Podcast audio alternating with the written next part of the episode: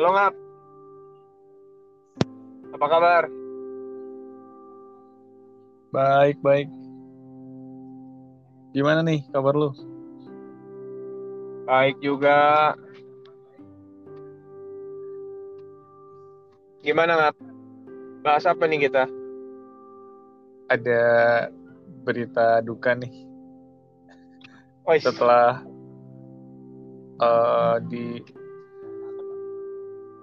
papan atas beberapa pamor purnama. eh, Beberapa purnama ya. kita akhirnya mengalami kekalahan perdana di liga nih dari Fiorentina yang menurut gue mainnya nggak bagus-bagus banget juga. Iya, iya. Sedih banget suara lu Ngap. Karena kita kalah dengan kesalahan-kesalahan dari pemain kita sendiri gitu. Jadi kayak mungkin mereka Betul. kehilangan sentuhan gimana caranya menang gitu dan cara apa ya kayak telat panas juga atau mungkin ada dari mereka yang mungkin karena kemarin pada dipanggil ke timnas ya untuk beberapa pemain kecapean dan ada juga Betul. menurut gue sih sisi dari mereka kayak ngeremehin Fiorentina Hmm. Bisa jadi. kalau menurut lo gimana? Ah, kalau hasil kemarin itu ya memang ini sih apa faktor apa ya faktor kompleks lah yang tadi lu bilang semuanya benar i- memang strategi Fiorentina menurut gua mereka mainnya sabar nggak gitu sabar banget jadi memang memang udah eh, si siapa pelatihnya tuh Vincenzo Italiano ya namanya Iya, pelatih Nah, Spezia jadi musim lalu yang ngalahin kita. Iya makanya.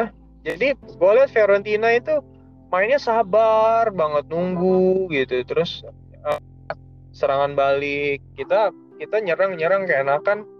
Tiba-tiba yang gol keduanya itu kebobolan. Itu sebenarnya satu dua menit sebelum gol itu kayak gue pas nonton itu kayak udah feeling up. Ini biasanya kalau begini nih kebobolan nih kalau tim bola nyerang nyerang mulu nih giliran di counter attack kebobolan nih. Eh bener. Bangke emang. Tapi mereka benar-benar sabar loh mainnya. Mereka nungguin Milan nggak gitu. Nungguin Milan nyerang yang yang apa? eh, menurut gua nggak nggak mateng lah strateginya kemarin itu entah ya karena memang udah di press juga sama Fiorentina. Selain itu ya beberapa pemain kita ya memang eh, kelihatan capek juga. Yang perform kemarin menurut gua eh, Leao, Ibra, Kier juga perform. Kalau gol pert- pertama menurut lo gimana ngap itu ngap? Yang gol pertama atau babak pertama? Gol pertamanya kita itu itu menurut lo salah Tata atau Gabia? Kalau menurut lo pribadi? Menurut gue sih salah Tata karena itu dia nggak dapet pressing yang segimana berat Betul. juga ya dari lawan. Harusnya kan dia kayak dapat uh, momentum lah untuk ngejaga Milan itu kepercayaan diri pemain lainnya gitu. Kan Bener. dari dari kesalahan dia itu kayak beberapa pemain jadi kayak kesel juga sama dia gitu dan dia tuh uh, ngamuk juga kan sampai nunjukin tanah dan gitu. Iya, nonjok rumput ya. Uh, padahal kan salah dia sendiri tapi dia kayak nyalahin Gabia juga yang emang posisi nggak tepat juga itu dia juga ada kesalahan tapi kan uh, Gabia itu masih muda ya hitungannya. Dan untuk hal-hal kayak gitu dia ya emang harus belajar gitu. Hmm. sedangkan Tata Rusano kan dia udah senior udah umur 30 lebih gitu udah pensiun dari tim nasional juga. Harusnya untuk hal-hal seperti itu bisa diminimalisir jangan karena dia pemain cadangan jadi kayak ya dia puas gitu dengan eh, kemampuan yang dia miliki gitu. Harusnya dia harus upgrade terus apalagi dengan cederanya Mike ini ya dia memiliki kesempatan untuk membuktikan diri gitu kan. Kalau misalkan emang dia bagus ya bisa aja ntar kalau Maignan sembuh juga dia tetap jadi pemain inti kan. Nyatanya kan nggak nggak bisa kan iya. ada di levelnya gitu. Benar-benar. Gue sih setuju. Menurut gue 100% salahnya Tata si Gabia nggak bisa disalahin kalau posisi begitu. Cuma gue lihat di medsos banyak yang ngebully dia si Gabia ya. Kasihan juga. Maksud gue dengan dengan posisi dia seperti itu bukan posisi yang bagus buat clearance itu bola nggak menurut gue dan bola datang tiba-tiba ada di depan kaki dia dia juga bingung mau ngapain. Itu mah fix harusnya bola dia 100% orang bola corner lambung gampang begitu bisa lepas. Ah ngaco lah. Padahal dia baru baru berapa hari berapa minggu main lumayan bagus gitu ya. Ngomong mulu tuh di media. Saya apa berharap dapat bermain di level seperti ini terus. Ya yeah, kebanyakan ngomong tiba-tiba. Blunder fatal. Menurut itu juga gitu, itu kan. karena karena mental yang udah rusak dari awal sih si Theo kayak gitu. Jadi kayak semangatnya juga udah udah nggak nggak sebesar pas sebelum kebobolan itu gitu ya kalau gue iya, main bola juga kalau gue main bola juga pasti kalau ada satu pemain yang uh, blunder di hal-hal yang nggak seharusnya terjadi pasti bakalan lemes eh lu lihat aja deh di final benar, benar. Liverpool versus Madrid yang Liga Champion uh-huh. itu kan Adius bikin kesalahan yang kayak nggak perlu banget kan dua kali malah. Itu kan bikin iya, lemes temennya itu. Ya sama iya, aja. dengan semalam. Mm -mm apalagi kan Fiorentina juga kayak Milan gitu sama fansnya tuh deket banget erat banget. Jadi iya. mereka main tentang uh, eh, menggebu-gebu banget kan. Sama aja mereka juga kalau habis menang selebrasi gitu kan penonton hmm. sama kayak kita dan apa yang kita dapetin ini ya harus jadi pembelajaran tapi kalau dilihat dari live score ya emang kita kalah gitu tapi uh, kalau nonton ya kita tuh kalah nggak semudah itu dikalahin gitu dan Betul. ada beberapa faktor yang emang kita tuh melihat uh, apa ya kita tuh melihat kalau Milan itu bukan bukan tim ecek-ecek yang kalah 4-3 tuh di di bantai gitu. Ini tuh ada ada beberapa faktor yang emang dari kesalahan human errornya juga. Iya iya.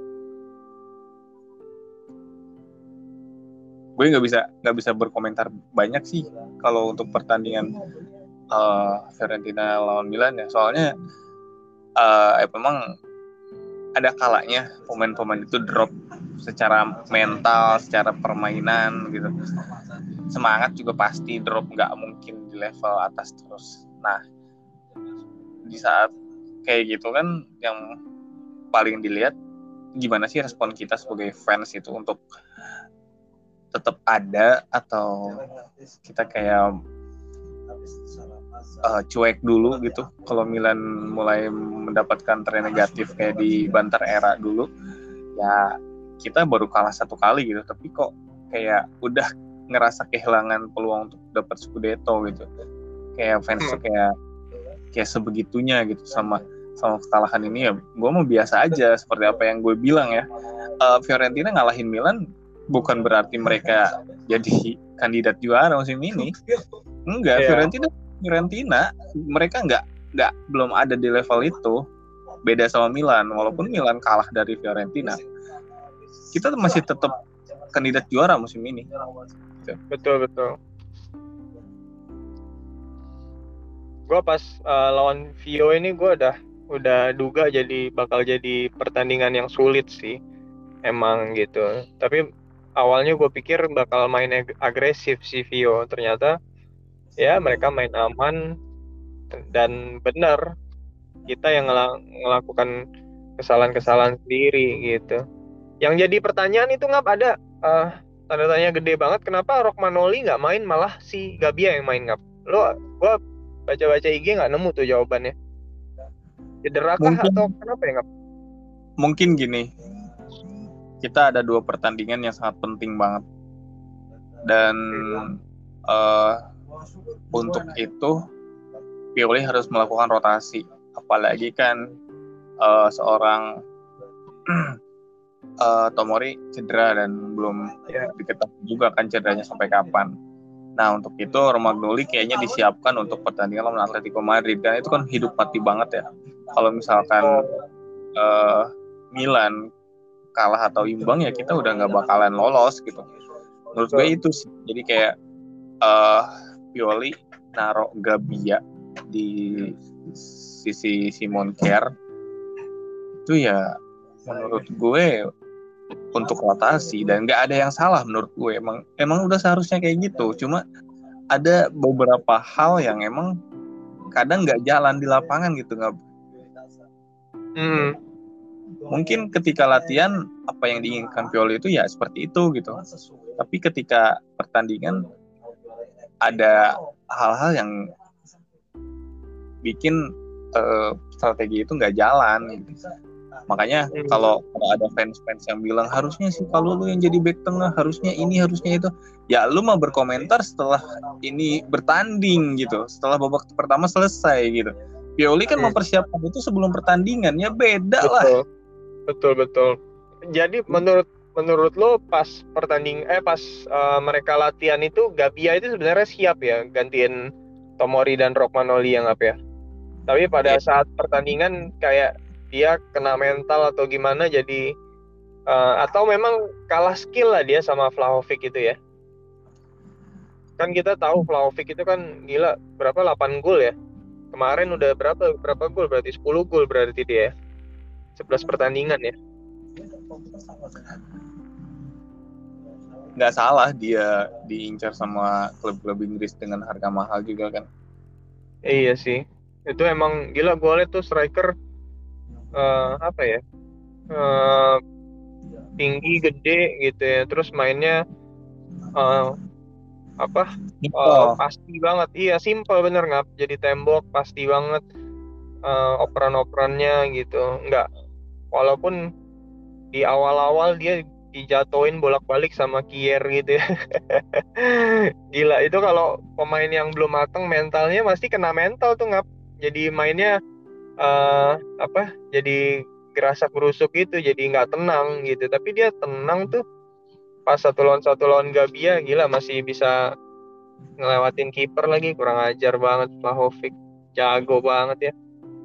Itu pas gol kedua dia itu gol keduanya Vio gol pertamanya Vlahovic itu emang kelihatan Gabia kayak uh, udahlah kalah duel memang udah ah, nggak uh, bisa diapa-apain itu. Body aja udah kalah banget gitu. Kalah body kalah lari ya udahlah. Antisipasinya kurang maksudnya kalau antisi antisipasinya bagus dia tahu pola begitu mungkin dia harus gerak gimana sprint dulu tutup ruang ini enggak diajakin duel satu lawan satu badan gede begitu. Ya udah kelar lah. Gitu.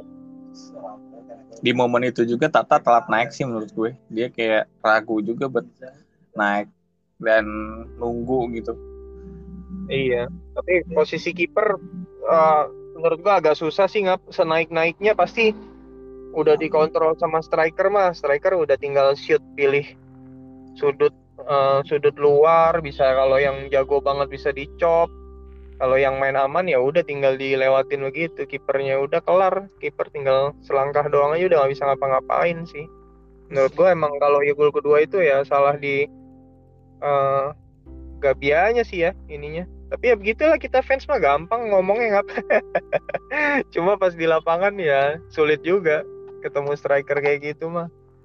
Ngeri ngeri gitu iya kan? Karena sebetulnya yang jadi core-nya di lini belakang itu Tomori kan yang jadi gantian kan si Simon Kier sama Romagnoli beda cerita kalau semalam yang main tuh Tomori dan Gabia. Menurut gue bakalan aman-aman aja sih. Karena sebetulnya uh, si Romagnoli Simon Kier sama Gabia ini tipenya sama. Tipe-tipe yang uh, pemain zona gitu. Mereka tuh bisa ngejaga zona pertahanan mereka tuh bagus gitu tapi harus ada yang ngepres dan uh, diajak lari itu bisa gitu. Nah si tiga pemain iya. ini tuh nggak bisa untuk itu gitu. Makanya ketika Vlahovic dan pemain-pemain Fiorentina ngajak lari ya udah kelar. Karena Kelar, dua-duanya sama. Makanya gue waktu itu pernah ngomong sama lu ya. Kalau Hmm. Milan itu eh, harus datengin satu back lagi. Kalau nggak Brazil, Balkan lah, tim-tim Balkan Ah, gitu. iya iya. dari Kroasia, dari Serbia itu kan pemain-pemain yang eh, gahar ya diajak Iya lari. Hmm. eh, diajak lari kuat gitu. Ini kan kayak Gabia, Romagnoli kan Italia banget. Simon Kjær juga ya umurnya udah tua gitu ya. Ya mereka berdua duet ya ngelawan Fiorentina yang menurut gue udah punya pengalaman ya kelar gitu. Apalagi Theo naik mulu.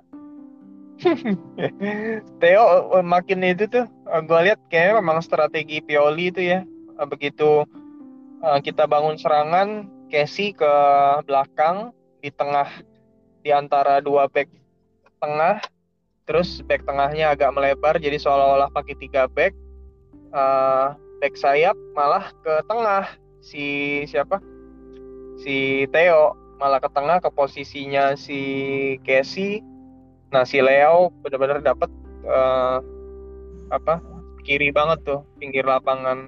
Kayaknya berapa kali gue lihat semalam, oh pola serangannya begini terus berarti kayak udah memang udah jadi pola serangannya Milan nih begini mainnya. Gitu. Mm, dan Ibra gimana ngap menurut lo ngap? Menurut gue gila sih Ibra ini umur umur 40 masih bisa dua gol terlepas dari banyak peluang dia yang ini ya, yang nggak jadi gol ya. Tapi masih bisa eh, apa cetak dua gol. Menurut gua mentalnya gila emang nggak perlu diraguin dan fisiknya nggak masih kuat loh 90 menit. Dengan eh, tempo yang tinggi banget gitu pressing yang tinggi banget masih kuat tuh. Menurut lo gimana nggak Ibra ya punya me- mental yang beda sama pemain lain ya. Di saat tim udah kalah 3-0 dia masih punya harapan, dia masih percaya kalau tim tuh bakalan bisa comeback gitu. Ya pemain-pemain yang begitu yang harus dimiliki sama Milan gitu. betul Tapi gue menyayangkan sih kenapa eh, Ibra sama Giroud main bareng gitu. Walaupun menurut gue ya mau gimana lagi ya udah udah bingung juga gitu. Tapi selama ini eh, duet itu dicoba nggak pernah berhasil. iya nggak klop ya. Masih belum klop ya kemarin ya. Passing Nggak. pendeknya masih kayak ah, ah, si Giroud ke mana? Ibranya maunya ke mana? Gitu. Jadi kayak belum klop gitu. Kemarin ada yang gue lihat di depan kotak penalti gitu harusnya Ibra kalau shoot itu bisa jadi peluang peluang gol itu. Eh dioper ke Giroud Giroudnya malah nusuk ke depan Salah. Giroudnya kiri, Ibra ngoper ke kanan. ah iya bener. Ibra ke kanan Giroudnya ke masuk ke dalam kan kiri kan? Iya. gitu. Padahal mah menurut gua kalau Ibra shoot juga itu bisa gol itu pas banget depan kotak penalti kok. Gitu. Mesias juga eh, masuk. Tapi nggak kelihatan ini ya ngap ya? Belum belum cocok secara strategi ya. Belum mateng ininya taktiknya ya gitu terus Eh, dia eh, kayak dia kayak uh, masuk terus maksain harus dribble lewatin beberapa pemain beberapa kali seperti itu gua lihat. Jadi kayak uh, belum dapat pola permainan Milan kayak gimana dia harus gerak ke mana oper ke mana. Habis oper dia harus ke mana jadi kayak masih belum ya mungkin mesti banyak latihan bareng lah ya gitu. Baru sembuh juga kan dia. Mm-mm. Yang gue lihat malah dengan adanya Mesias ini emang si Pioli ini membebaskan pemain kayak Mesias dan Leo ini untuk melewati beberapa pemain, pemain kan di, di sisi kanan dan kiri karena kita nggak punya tipe winger yang kayak gitu kayak kayak misalnya Makers, Florenzi, Castillejo kan tipe-tipenya eh, kerja sama tim ya mereka. Jadi Iya. kayak sama Leo ini emang kayaknya kalau emang mereka klop bakalan jadi kekuatan juga buat Milan. benar benar. Kalau Leo mah nggak usah diragukan lagi lah ya. Gila tuh orang. Makin hari makin ngeri aja permainannya nggak gitu, Iya, individunya gitu. Tapi gue kemarin seminggu kemarin baca beberapa komentar uh, legenda-legenda Milan gitu ya. Terus uh, banyak yang ada beberapa yang bilang Leo secara taktis kayak belum matang gitu tapi secara individu mah uh, banyak perkembangan kayak gitu. Rata-rata ngomong kayak gitu ya. Gue sih setuju sih tapi ya memang tipe tipe dia tipe pemain seperti itu ya. Ya memang jadi harusnya jadi kekuatan buat dia. Nggak usah nggak usah terlalu yang gimana gitu. Kalau emang dia bisa lewatin satu dua tiga pemain terus habis itu bikin asis atau mencetak gol sendiri ya mah nggak ada masalah menurut gua Hmm. itu siapa tahu Leo bisa jadi the next Cristiano Ronaldo kan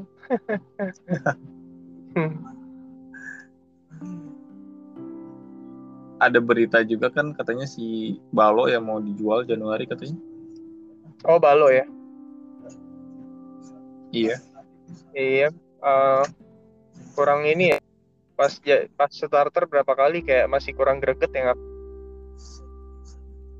Wajar sih menurut gue ya karena dia kan baru pindah juga kan maksudnya ini kan liga Iya. baru buat dia kecuali sebelumnya dia di seri A gagal adaptasi iya bener. Bener sih. Ya wajar lah.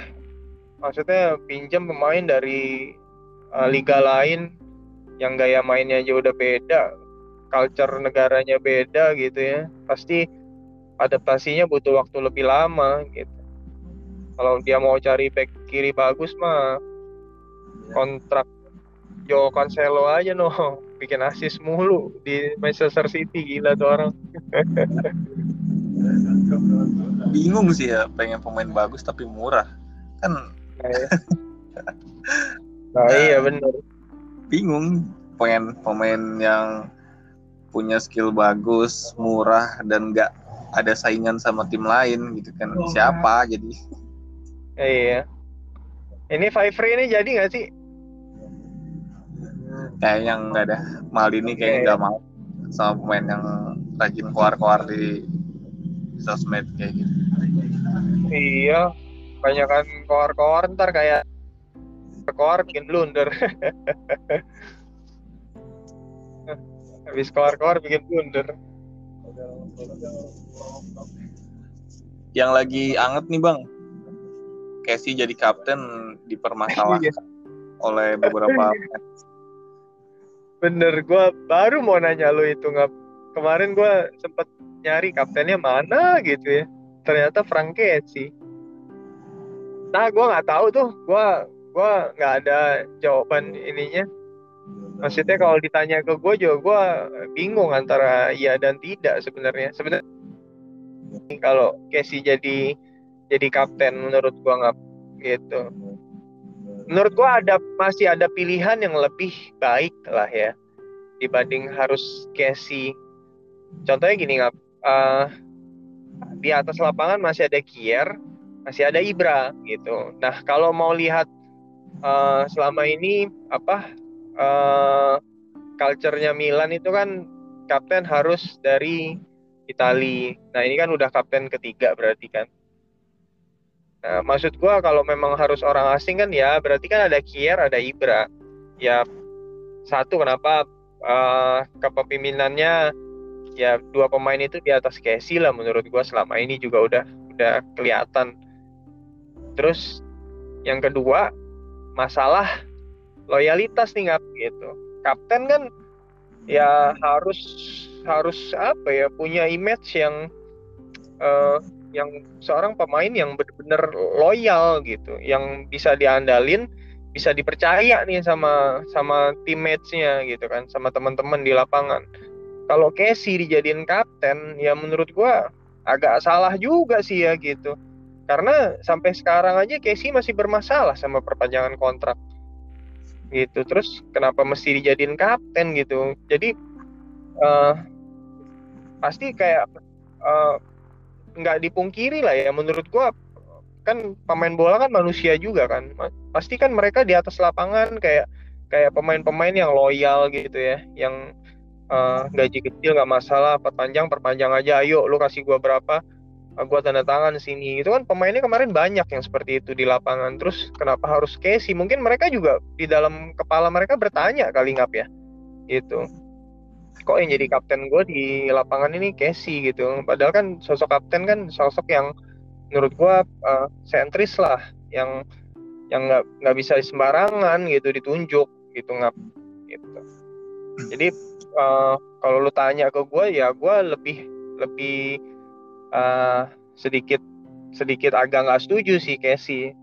Menurut gue uh, ada pilihan yang lebih baik lah itu itu ngap menurut gue ngap.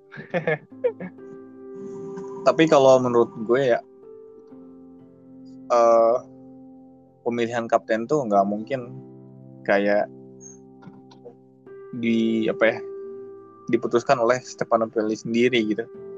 Gue pikir itu ada ada kayak diskusi. Ini siapa nih yang mau kapten nih? Kan Romagnoli cadangan gitu. Calabria uh, absen gitu dan menurut gue kayak uh, transfer Manjukic dan Giroud aja uh, Ibrahimovic kan dikasih uh, tempat juga kan untuk untuk uh, ngasih opini gitu. Saran ya, iya. Uh, dan menurut gue uh, dengan pemilihan kapten ini kayaknya ya Ibra dan Simon Kier juga udah ditawarin duluan sama Stefano Pioli. Apalagi kan sebelumnya kan si Simon Kier kan yang akan jadi kapten di Milan musim ini kan.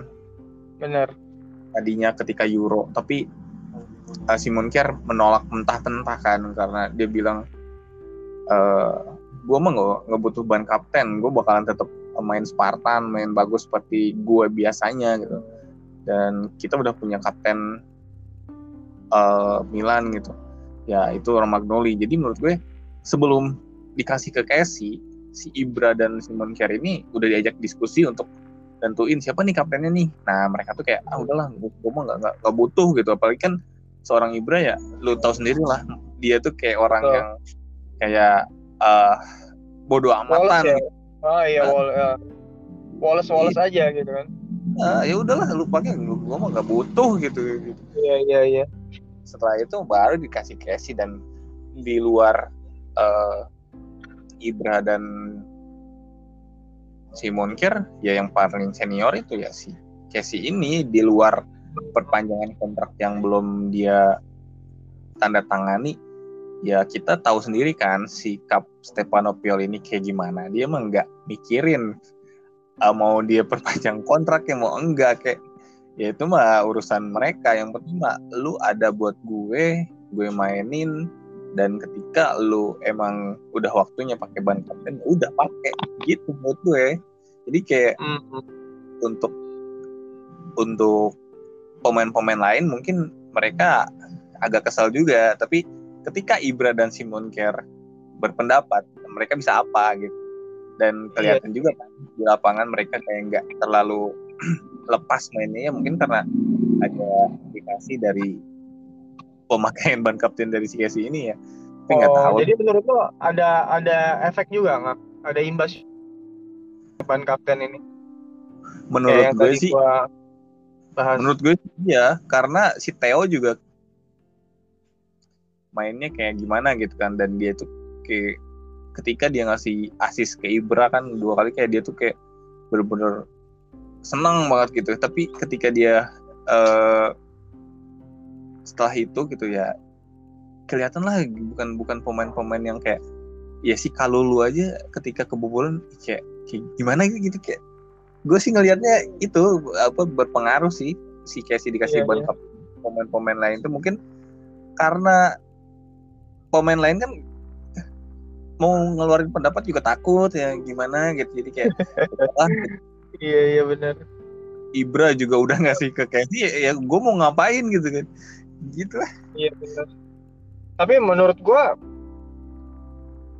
menurut gue nextnya nggak boleh lagi nih kalau si Rockmanoli sama Calabria absen nggak menurut gue pribadi ya ngap ya. Udah nggak boleh Casey lagi sih ngap gitu. Karena kayak gini nih bener kata lu kemarin aja kelihatan Theo. Ada tuh sekali si si Leo uh, biasa lah nahan bola lambat gitu kan ngelepas ke Leo eh ke ke Theo gitu. Si Theo ya ngejar loh jadi kayak setengah hati begitu gitu. Kayak harusnya kan kalau pemain dengan motivasi yang benar masuk ke lapangan bola begitu selagi belum out mah ya kejar aja terus gitu kan. Kemarin kelihatan banget dia kayak enggak eh ya gimana lah gitu. Ah. kalau gue pribadi jadi pemain juga mungkin gue akan terpengaruh sih. Uh, lihat aduh kenapa kayak sih sih kaptennya? Gitu kan. Dikasih gaji gede aja masih nggak mau berani-berani jadi pakai ban kapten gitu. Gitu. Yeah. jadi mungkin nextnya kalau boleh ya jangan Casey deh gitu karena gue sebagai fans saya bisa menilai yang begitu apalagi orang yang yang benar-benar ada di lapangan yang yang apa ya yang tiap hari uh, bareng mereka di sana. Jadi harusnya lebih lebih ngefek gitu yang kayak gini kayak gini gitu. Harusnya lebih diperhatiin nih sama manajemen sama Pioli khususnya gitu. Nggak boleh sembarangan kalau yang detail-detail sakral begini gitu nggak kalau lu perhatiin juga ya di beberapa postingan mereka atau di story Instagram mereka atau uh, ya pokoknya di sosial media mereka lah gitu.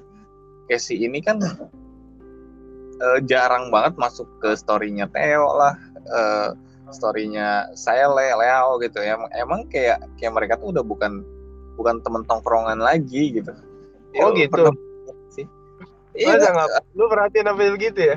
Gue enggak, gue nggak pernah lihat storynya pemain Milan. Mereka oh. itu uh, gengnya Leo, uh, Makers, Brahim, uh, Theo, uh, Kalulu, Maldini.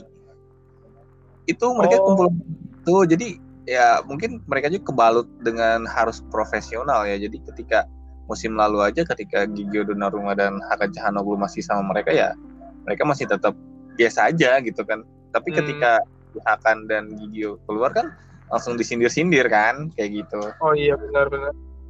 Ya iya. sama dengan kayak sekarang gitu. Mereka juga nggak buta. Mereka juga tahu kalau kayak ini nggak uh, mungkin lebih ke nggak mau perpanjangan kontrak. Jadi di story-story aja jarang banget Casey itu ikut kayak selfie atau apalah gitu. Ya, lu cek-cek aja oh. gitu. Soalnya, soalnya gue follow semua pemain Milan sih jadi tahu gitu. Kayak Rebic oh. aja Ibrahim deket sama Casey mana? Oh gitu. Oh, Jadi, gua Frank Casey aja gua udah unfollow apa? oh, gue sih follow. Karena gua udah feeling dia bakal cabut gitu.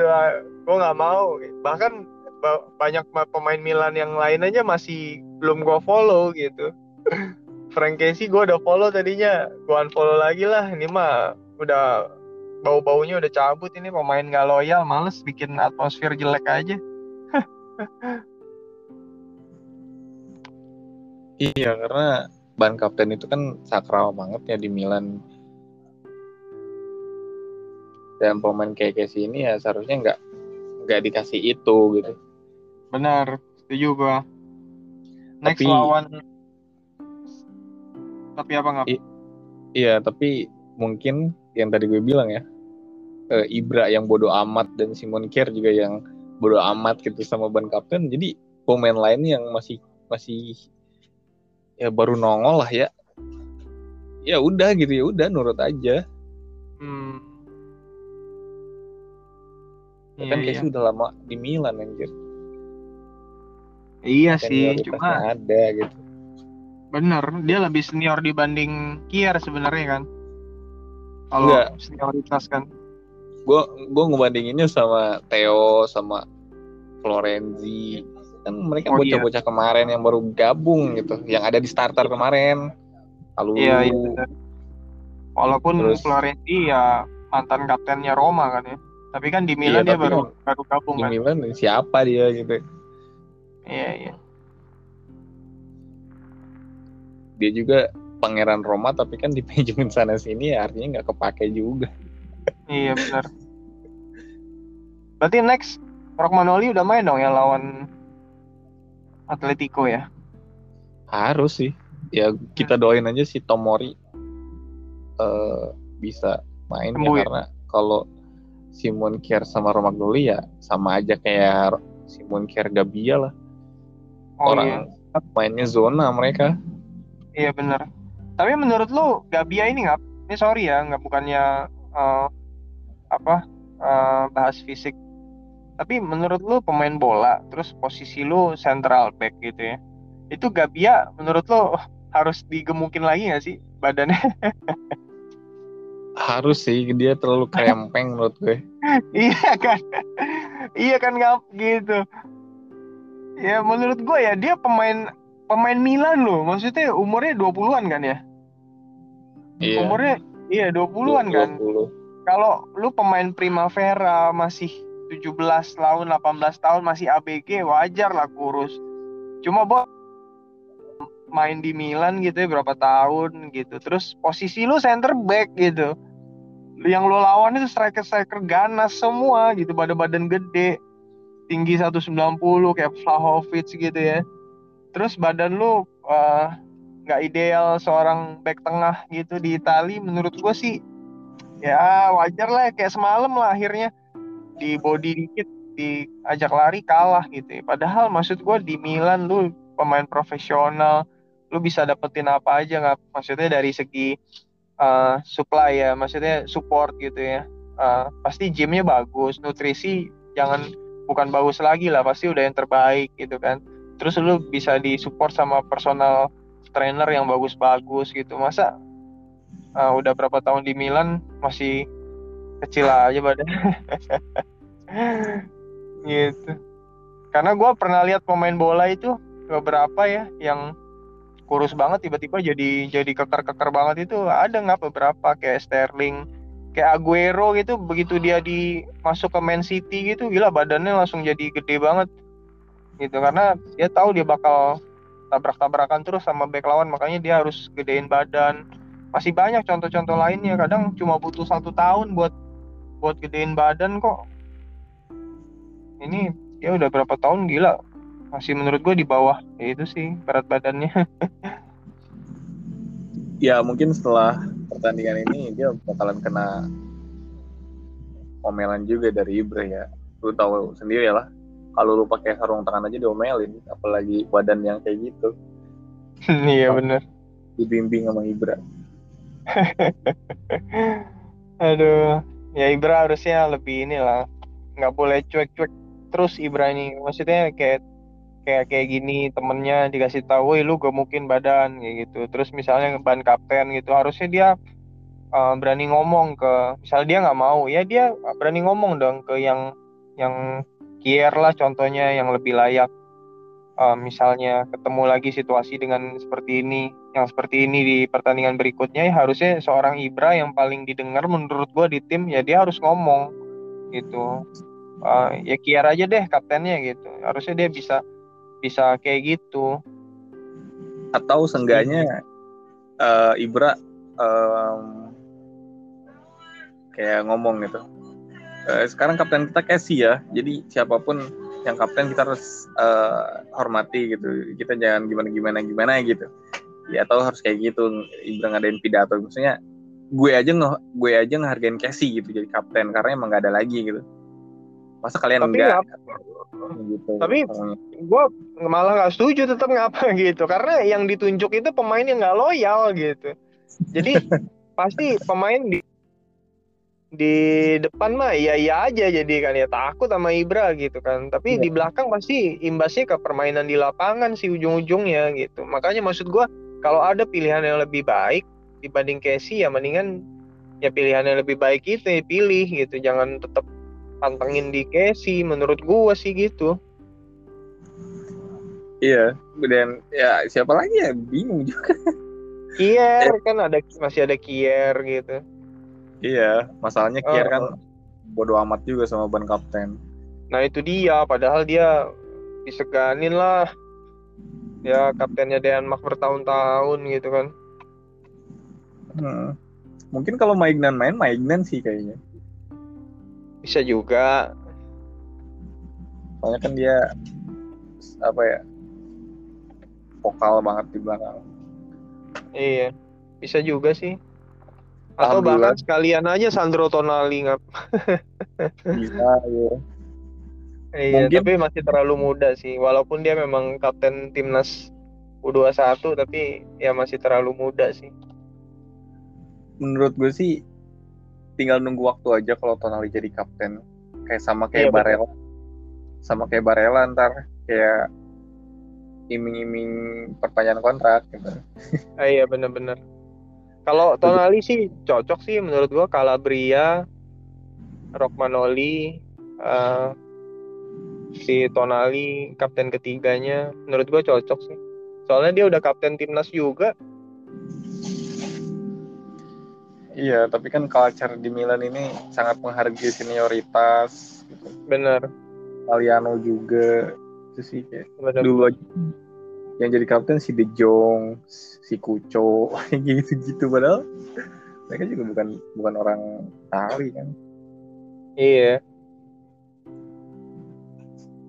Gua tuh masih masih uh, belum maksudnya kapten pertama kita tuh Rockmanoli apa Calabria nggak?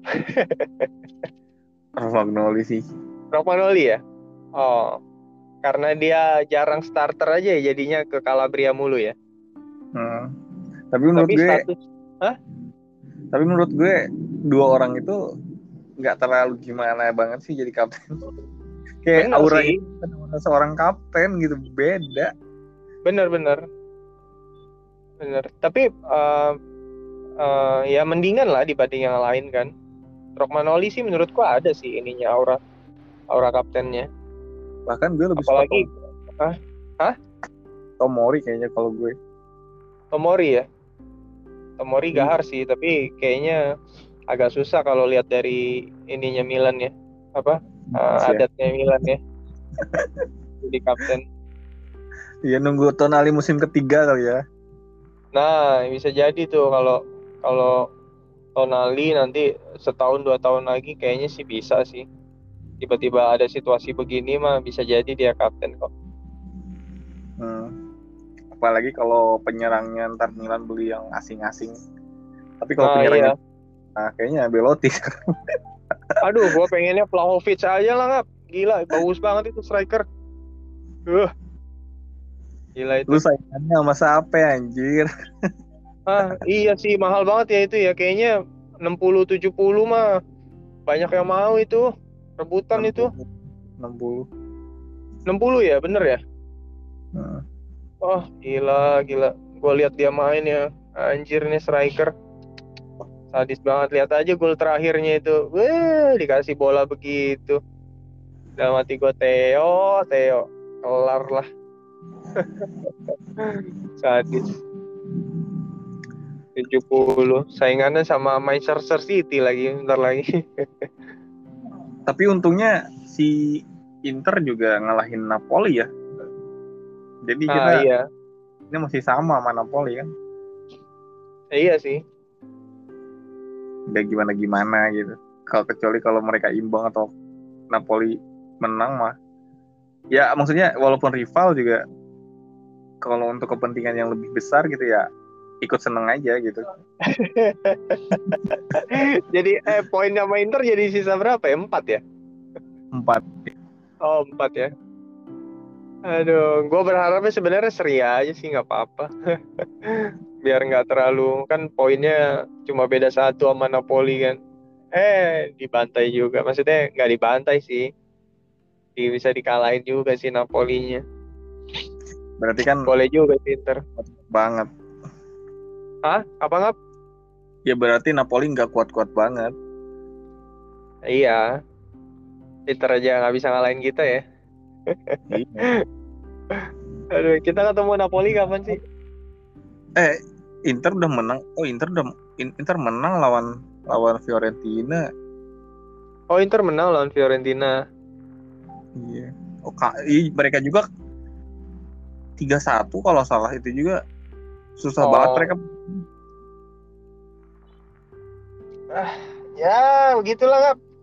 Walaupun sebenarnya pertandingan semalam itu walaupun uh, iya kita kalah cuma lebih banyak ke kesalahan individu sih bukan kesalahan secara ini taktik gitu. Uh. lebih ke blunder blunder pemainnya aja. Gol satu kedua ketiga semuanya. Kesalahan pemain semua Juventus dua penalti parah. Iya gua pagi-pagi di DM sama temen gue yang Juventini. Di screenshot terus apa apa pokoknya dikasih tahu gue Milan kalah ya akhirnya dia bilang gitu kan. Laporan selesai terus gue bales ah lu gol penalti doang. Kurang ajar dua-duanya lagi ya gol penalti ya? Bonucci dua-duanya anjir. Oh. Eh semalam itu Leo itu kesandung loh harusnya penalti loh itu. Iya yang gitu-gitu mah ah. Gila itu nggak nggak mau lihat VAR tuh wasitnya. Anjir gue bilang nih wasit. Itu wasit yang yang kapan itu mimpin kita juga tuh ngerugiin mulu tuh wasitnya. Siapa sih namanya? Apal banget gue mukanya. Anjir gue bilang. Maksudnya uh, kalau pemain ya apa pemain striker ngejar bola di di areanya musuh gitu. Terus tiba-tiba jatuh. Ya itu harusnya dipertanyakan dong bukan dicuekin begitu. Maksudnya udah serius-serius ngejar jatuh itu berarti ada sesuatu tuh entah kesandung entah apa gitu kan. Padahal sandung pemainnya Vio ini. Cuma wasitnya nggak mau lihat gila masa ada pemain yang diving sampai sebegitu ya sih? Iya walaupun ada sih gue pernah lihat juga yang pemain-pemain aneh yang diving begitu. Itu kayak asli yang gitu tiba-tiba nendang rumput bisa jatuh itu. Kan pernah lihat kita cuma kan Taro. maksudnya iya. Ah Lautaro ya? Oh iya Lautaro. Di bala ya, di bala ya iya sih ah, parah tuh harusnya penalti itu ya nih uh, di tengah pekan kan ntar lawan ATM ya. Ya. Gimana nih? Pendapat lu deh tentang pertandingan ini. Realistis, optimis atau tim pesimis? Uh, menurut gua optimisnya menang nggak bisa. Gitu. Sekarang jangan lihat dari uh, jumlah poin yang kita dapat, tapi uh, berkaca dari pertandingan pertama kita lawan ATM deh gitu. Kalau kita nggak tanda kutip dicurangin wasit, kita bisa menang gitu kan. Cuma sayangnya ya kita tanda kutip dicurangin wasit lah gitu ya. Sekarang kita tanding ulang nih gitu. Dan menurut gua dari dari uh, materi tim yang ada sama materi tim yang mereka punya, ya menurut gua berimbang gitu kan. Posisi di klasemen tiga masing-masing juga uh, bagus. Kita makan lebih dalam hal posisi kita lebih bagus ya kalau nggak salah ya peringkat dua. Nah di uh, materi pemain yang nggak jauh beda lah. Menurut gua 11-12 bisa dibilang sama gitu kan. Walaupun di sana ada ada beberapa pemain bintang mega bintang gitu kan tapi ya optimisnya kita bisa menang menurut gua gitu. Yang penting kayak kesalahan-kesalahan yang kayak kayak kemarin kita lawan Fiorentina nggak boleh ada tuh gitu. Harusnya pemain Milan uh, sadar. Kita melakukan kesalahan kayak gitu lawan Fiorentina aja kita bisa kalah di bantai 3-0 duluan gitu. Apalagi sekelas Atletico gitu. Jangan jangan jangan berharap bisa ngegolin tiga gitu. Kalau kalau uh, apa udah kebobolan duluan yang ada udah 3-0 ya udah 3-0 aja. Gitu. Itu nggak kalau optimis bisa menang. Ya mudah-mudahan kalau kita menang ya kita masih ada masih ada peluang walaupun ya kecil banget harus bergantung dari hasilnya tim lain juga Liverpool sama Porto gitu kan ya. Selalu optimis ya untuk harus dong.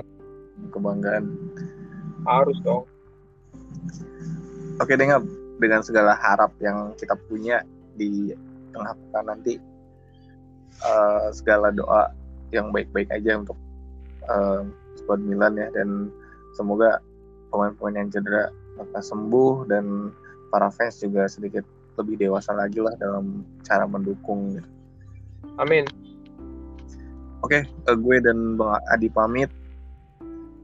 Kalah imbang menang apa pun itu kita tetap teriak Forza Milan. Forza Milan.